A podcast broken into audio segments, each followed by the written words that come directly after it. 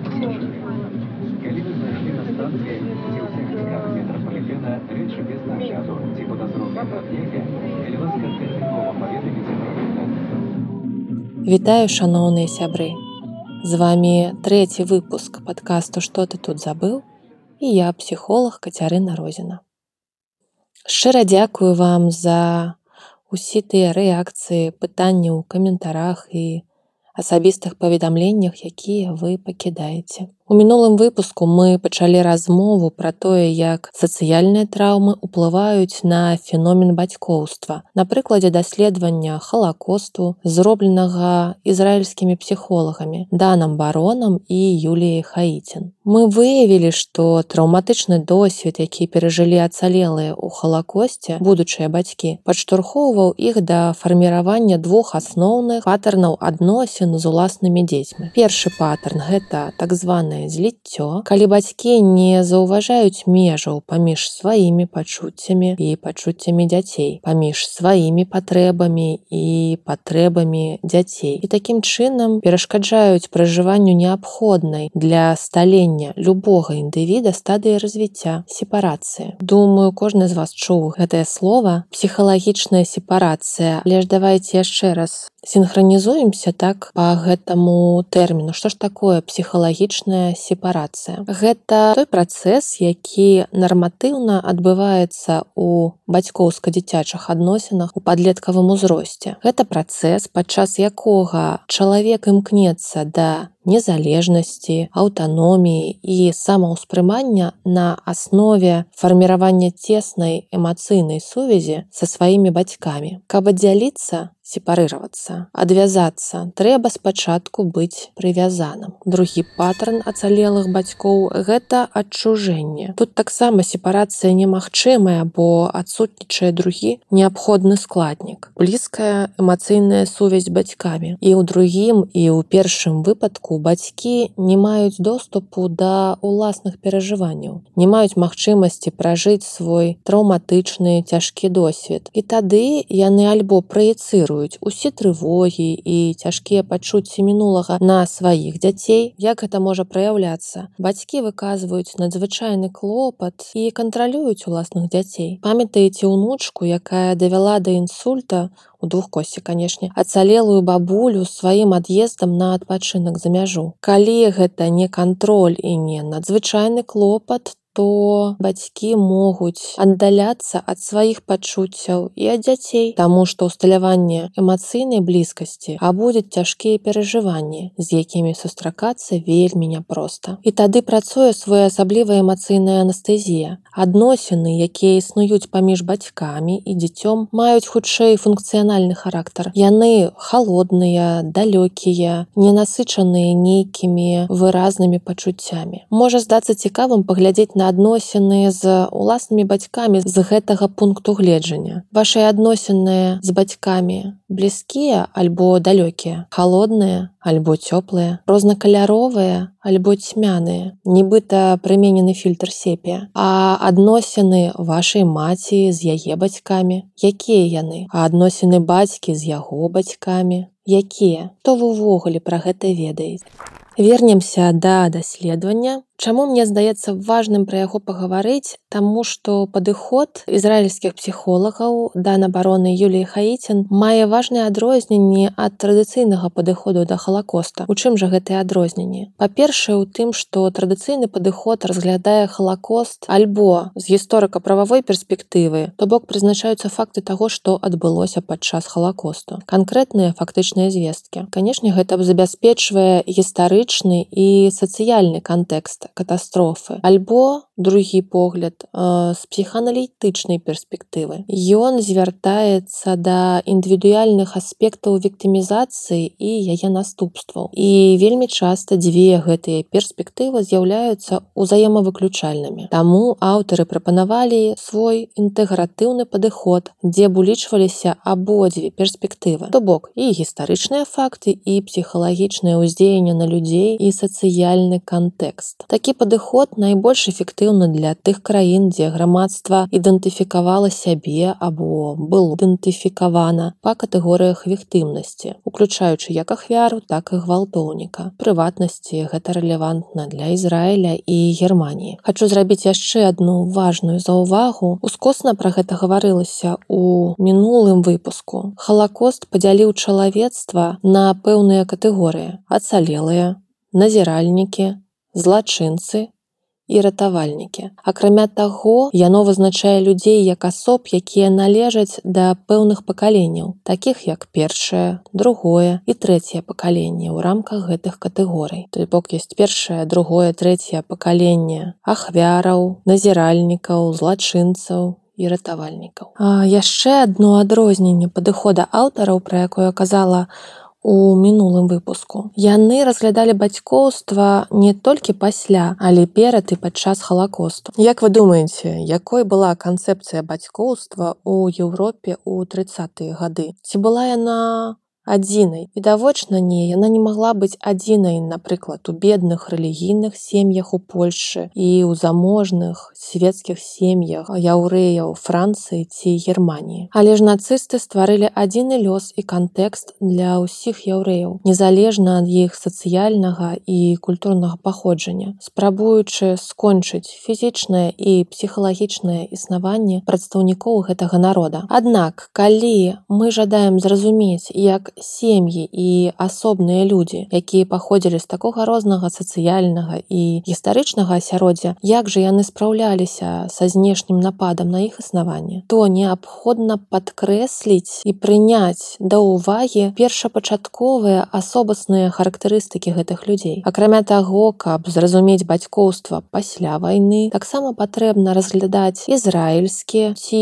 іншы палітычны сацыяльны кантэкст у якім апынуліся пасля эміграцыі ацалелыя. Канешне, паралельна глядзець на дынаміку ізраільскага грамадства, то бок аўтары прапануюць нам глядзець на карціну цалкам і на фон гістарычны сацыяльны кантэкст і на фігуру асабістыя перажыванні траўматычных падзей. Нарэшце ўдалося ўжыць гештальтысцкую тэрміналогію. Калі аўтары прааналізавалі дзевяцігадзіннае інтэрв'ю ацалелай дзяўчынкі, якую тут называюць анат, менавіта пра яе мы будзем сёння размаўляць. Прааналізавалі 60 біяграфій графічных інтэрв'ю з універсітэта бэнгурыёна 95 сведчанняў з музею халакоста ядвашем то аўтары змаглі вылучыць чатыры найбольш важныя тэмы якія краналіся бацькоўства і былі агучаныя ў гэтых сведчаннях. Першае гэта патэнцыял для ўзнікнення эмацыйных успамінаў. Другое гэта значнасць сям'і і засяроджанасць на клопаце адзін пра аднаго альбо невыкананні гэтага. Трэцяе гэта ідэалізацыя бацькоў альбо сям'і. І чацвер чавёртае гэта бацькоўскія памылкі. Цяжкасці ў разуменні бацькоўскіх рашэнняў якія былі прынятыя падчас халакосту. Асаблівую увагу са ўсіх гэтых інтэрв'ю і сведчанняў звярнуў на сябе аповед дзяўчынкі на той момант ужо 54гадовай жанчыны якую тут называлі анат. Чым жа яе гісторыя адрозніваецца ад даволі змрочных гісторый і ўспамінаў іншых ацалелых і прадстаўнікоў другого другога і трэцяга пакалення. Па-першае, рознакаляровасцю ўласных успамінаў. Анат памятае сябе з трохгадовага ўзросту. Менавіта ў тры гады маці схавала яе ў падвале ў варшаўскім гетта. Сама маці была ў падполе і ратавала яўрэйскіх дзяцей. Дзяцей з гетта яна вывозіла і аддавала ў неяўрэйскія сем'і ў варшаве. Як мы маглі заўважыць са сведчанняў з мінулага выпуску. На жаль, некаторыя могуць заўважыць гэтае і з досведу сваёй сям'і. Нават застаўшыся з фізічна жывымі бацькамі, дзеці ацалелых часта адчувалі татальную адзіноту і пакінутасць. Мадэль такіх адносін адносін на вялікай эмацыйнай дыстанцыі перадаецца далей з пакалення ў пакаленне. Маці Анат памерла 70 гадоў таму, праз два тыдні пасля таго, як яны прыехалі ў Ізраіль. Але ж яна як вобраз, які абараняе, дапамагае, літуецца, безумоўна любіць, засталіся ў жыцці сваёй ужо дарослай дачкі.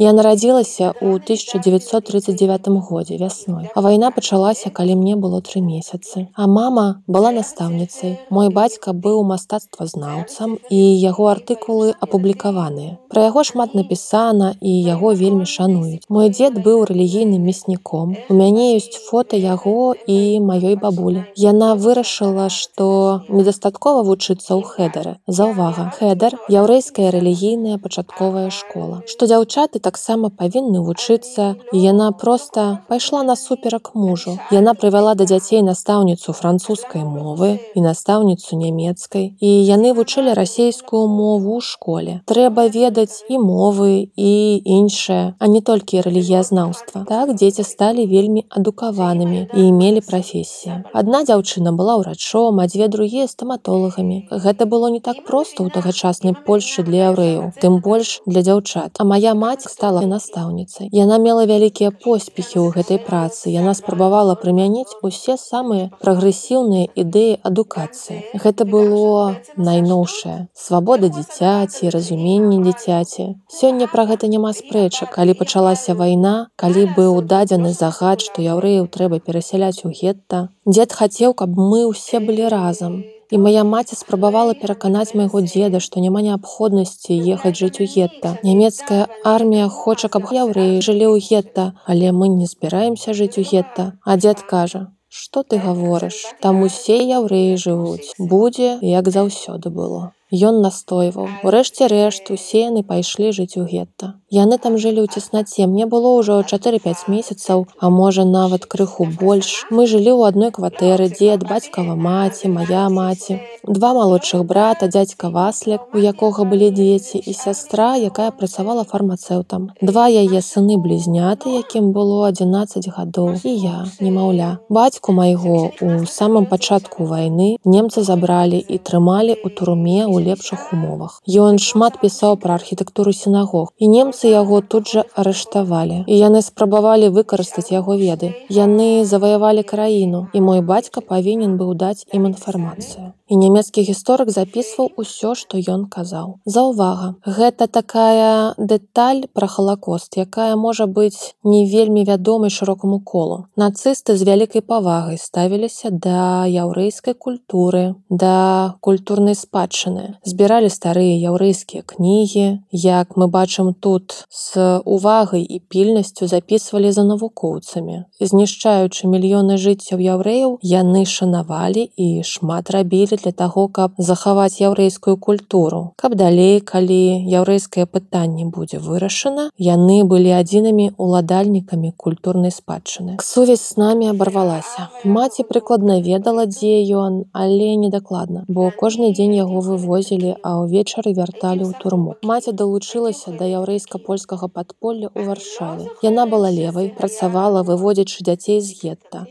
Дзяцей, якія былі адны, працавалі розныя пагадненні і механізмы, каб вывесці дзяцей і ўладкаваць іх у кляштары, альбо ў сем'і ў іншых частках краіны. Заўвага, я знаёма з адным такім чалавекам ён працуе зараз у музеі халакоста яго маці аддала у маленькім узросце ён быў немаўляткам у польскую сям'ю маці яўрэйка і толькі ўжо ў сталым узросце гэты чалавек даведаўся што ён яўрэй і што яго бацькі загінулі. У той час калі ён даведаўся ён ужо працаваў таліцкім святаром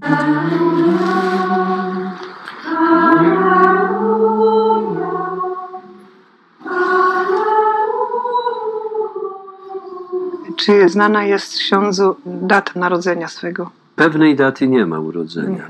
25 marca 1943 roku moja żydowska matka przyniosła mi pod okno mieszkania, w którym mieszkała moja polska matka. Żydowska matka miała na imię Batia. Ja przypuszczam, chciała użyć wszystkich argumentów, jakie miała na ratowanie mnie. I mówi, proszę panią, pani mówi, że pani jest osobą wierzącą To niego pani weźmie w imię tego Jezusa, w którego pani wierzy. A ten mały, jak wyrośnie, on będzie księdzem. On będzie nauczał ludzi, zobaczy pani. Спаси моего ребенка, еврейского ребенка, и во имя Иисуса, в которого ты веришь, он, когда вырастет, станет священником. Прошли годы. Ксенц Рамуальд Вашкинель в возрасте 35 лет будучи уже преподавателем философии Люблинского католического университета, узнает, что он сын еврейских родителей, во время Холокоста спасенный польской семьей. Это было вот... Да, да. Вам 35 лет было тогда? Не было 35 лет, и был 12 лет священником. И он обращается с вопросом, что делать к своему любимому университетскому преподавателю этики и получает ответ. «Дорогой мой брат, я молюсь о том, чтобы ты смог заново обрести свои корни. Потым ён так стаў знаёміцца са сваёй яўрэйскай ідэнтычнасцю і ўрэшце рэшт пераехаў у Ізраиль. Кто я? Я могу ответить. Я польский еврей. Все.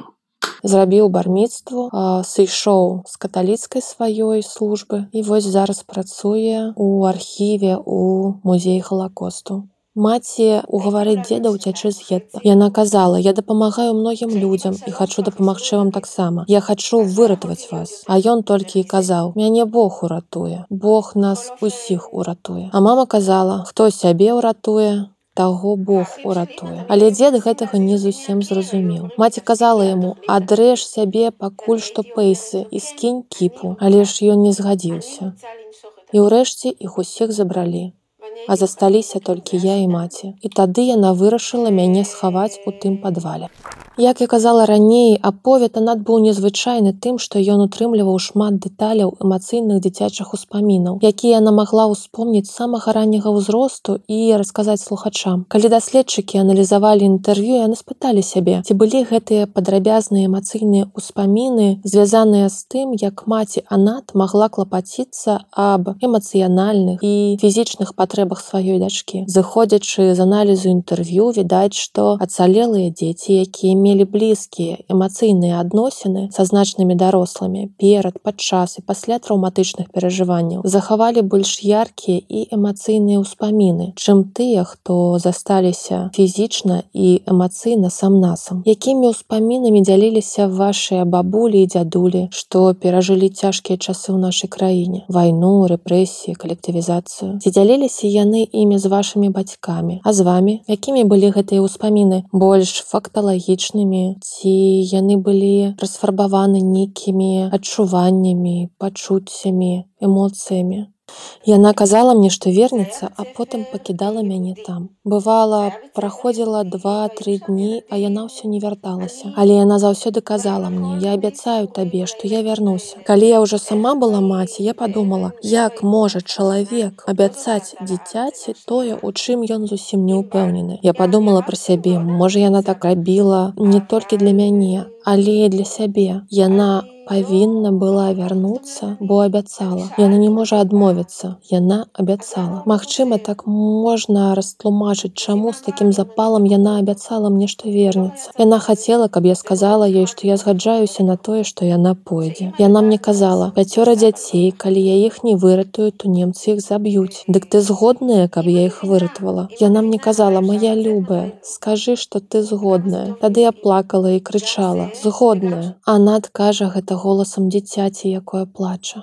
Яна ішла і не вярталася часам на працягу некалькі дзён. Пакідала мне што-небудзь, чым я магла займацца. Кавала кардоны з дзіркамі і ніткай. І я сядзела, і часам ежы заканчвалася, яна не вярталася. Але я заўсёды ведала, што яна вернецца. І гэта было так. быццам яна заўсёды была са мной, нават калі яна сапраўды не была. Частка рэчаў анат, якія былі з ёй у гэтым склепе у варшаўскім гетта. Зараз знаходзяцца ў музеі двашэм у сховішчы. Спадар Розен, даследчык халакоста, размову з якім я анансавала раней, пагадзіўся гэтыя рэчы мне, а значыце нам з вами разам паказаць. Таму зараз рушым у Іерусалім, У нстаграме пакажу фото і відэа з артефактамі.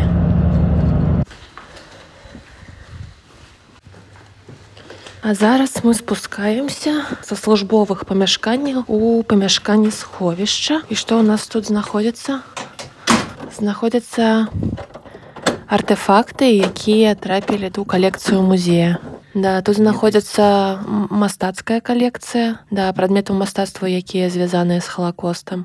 А далей мы пойдзем у асобны аддзел. Гэта іншыя артефакты, ну не звязаныя з мастацтвам. Тут самыя разнастайныя ёсць прадметы. А што зараз ты дастаў? Так, это у нас э, нарукавная повязка, э, которую носили э, венгерские батальоны. Венгерские батальоны это была м, повязка, чтобы можно было отличить, где в венгерских э, батальонах евреи.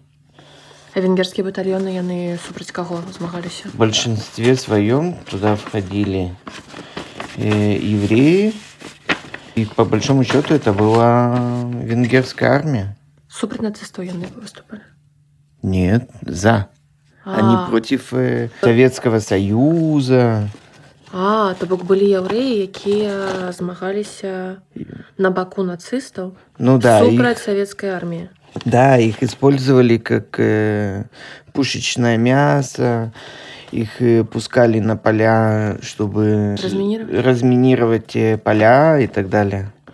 Так а яны тады атрымліваецца, як яны трапілі ў гэтыя батальёны, гэта было прымусова ці яны самі ішлі на гэты лёс. Іх прынуждалі к этому? Э, да, да, да, конечно, их принуждали, или ты идешь, или тебя на месте. Я, Э, да, я нават не ведала, што былі такія батальёны. да. А што гэта? А это нарукавная повязка, которую носили в гетто Львов. Э, На тот э, манер это был Лемберг. А чаму літара А ў сярэдзіне? А это значит э, рабочий, арбайтен. Арбайт. Вот, и индивидуальный номер тут можно Ага. 3-1, А, то 2. бок гэта была такая Ноль, штамп семь, такі три. быў. Гэта была такая. Не, штамп вот э, нацистский. Угу. А здесь это вот э, такие повязки.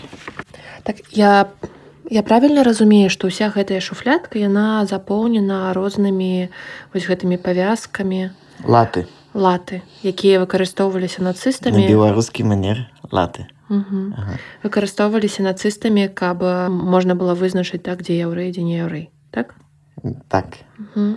І зараз што гэта? Гэта Это вот, э, жоўты кавалак также- тканіны. Да, так же, как и на были э, венгерские батальоны, были на тот же манер э, румынские А. батальоны. Это Яши, да? Э, Гэта іх назва яшы?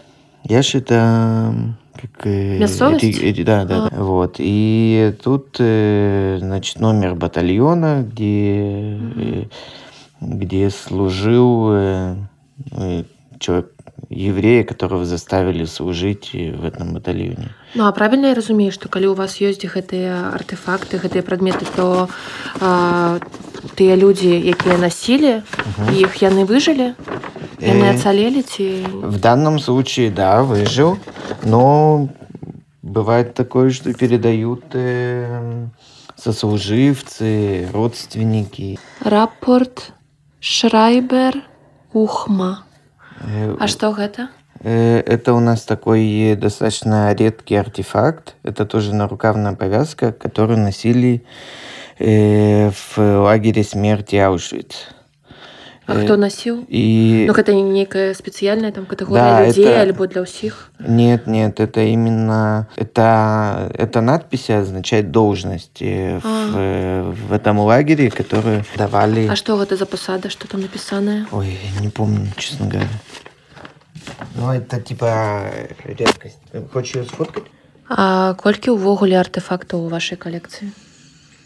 Э, ну, на сегодняшний момент у нас э, порядка 35 тысяч э, предметов.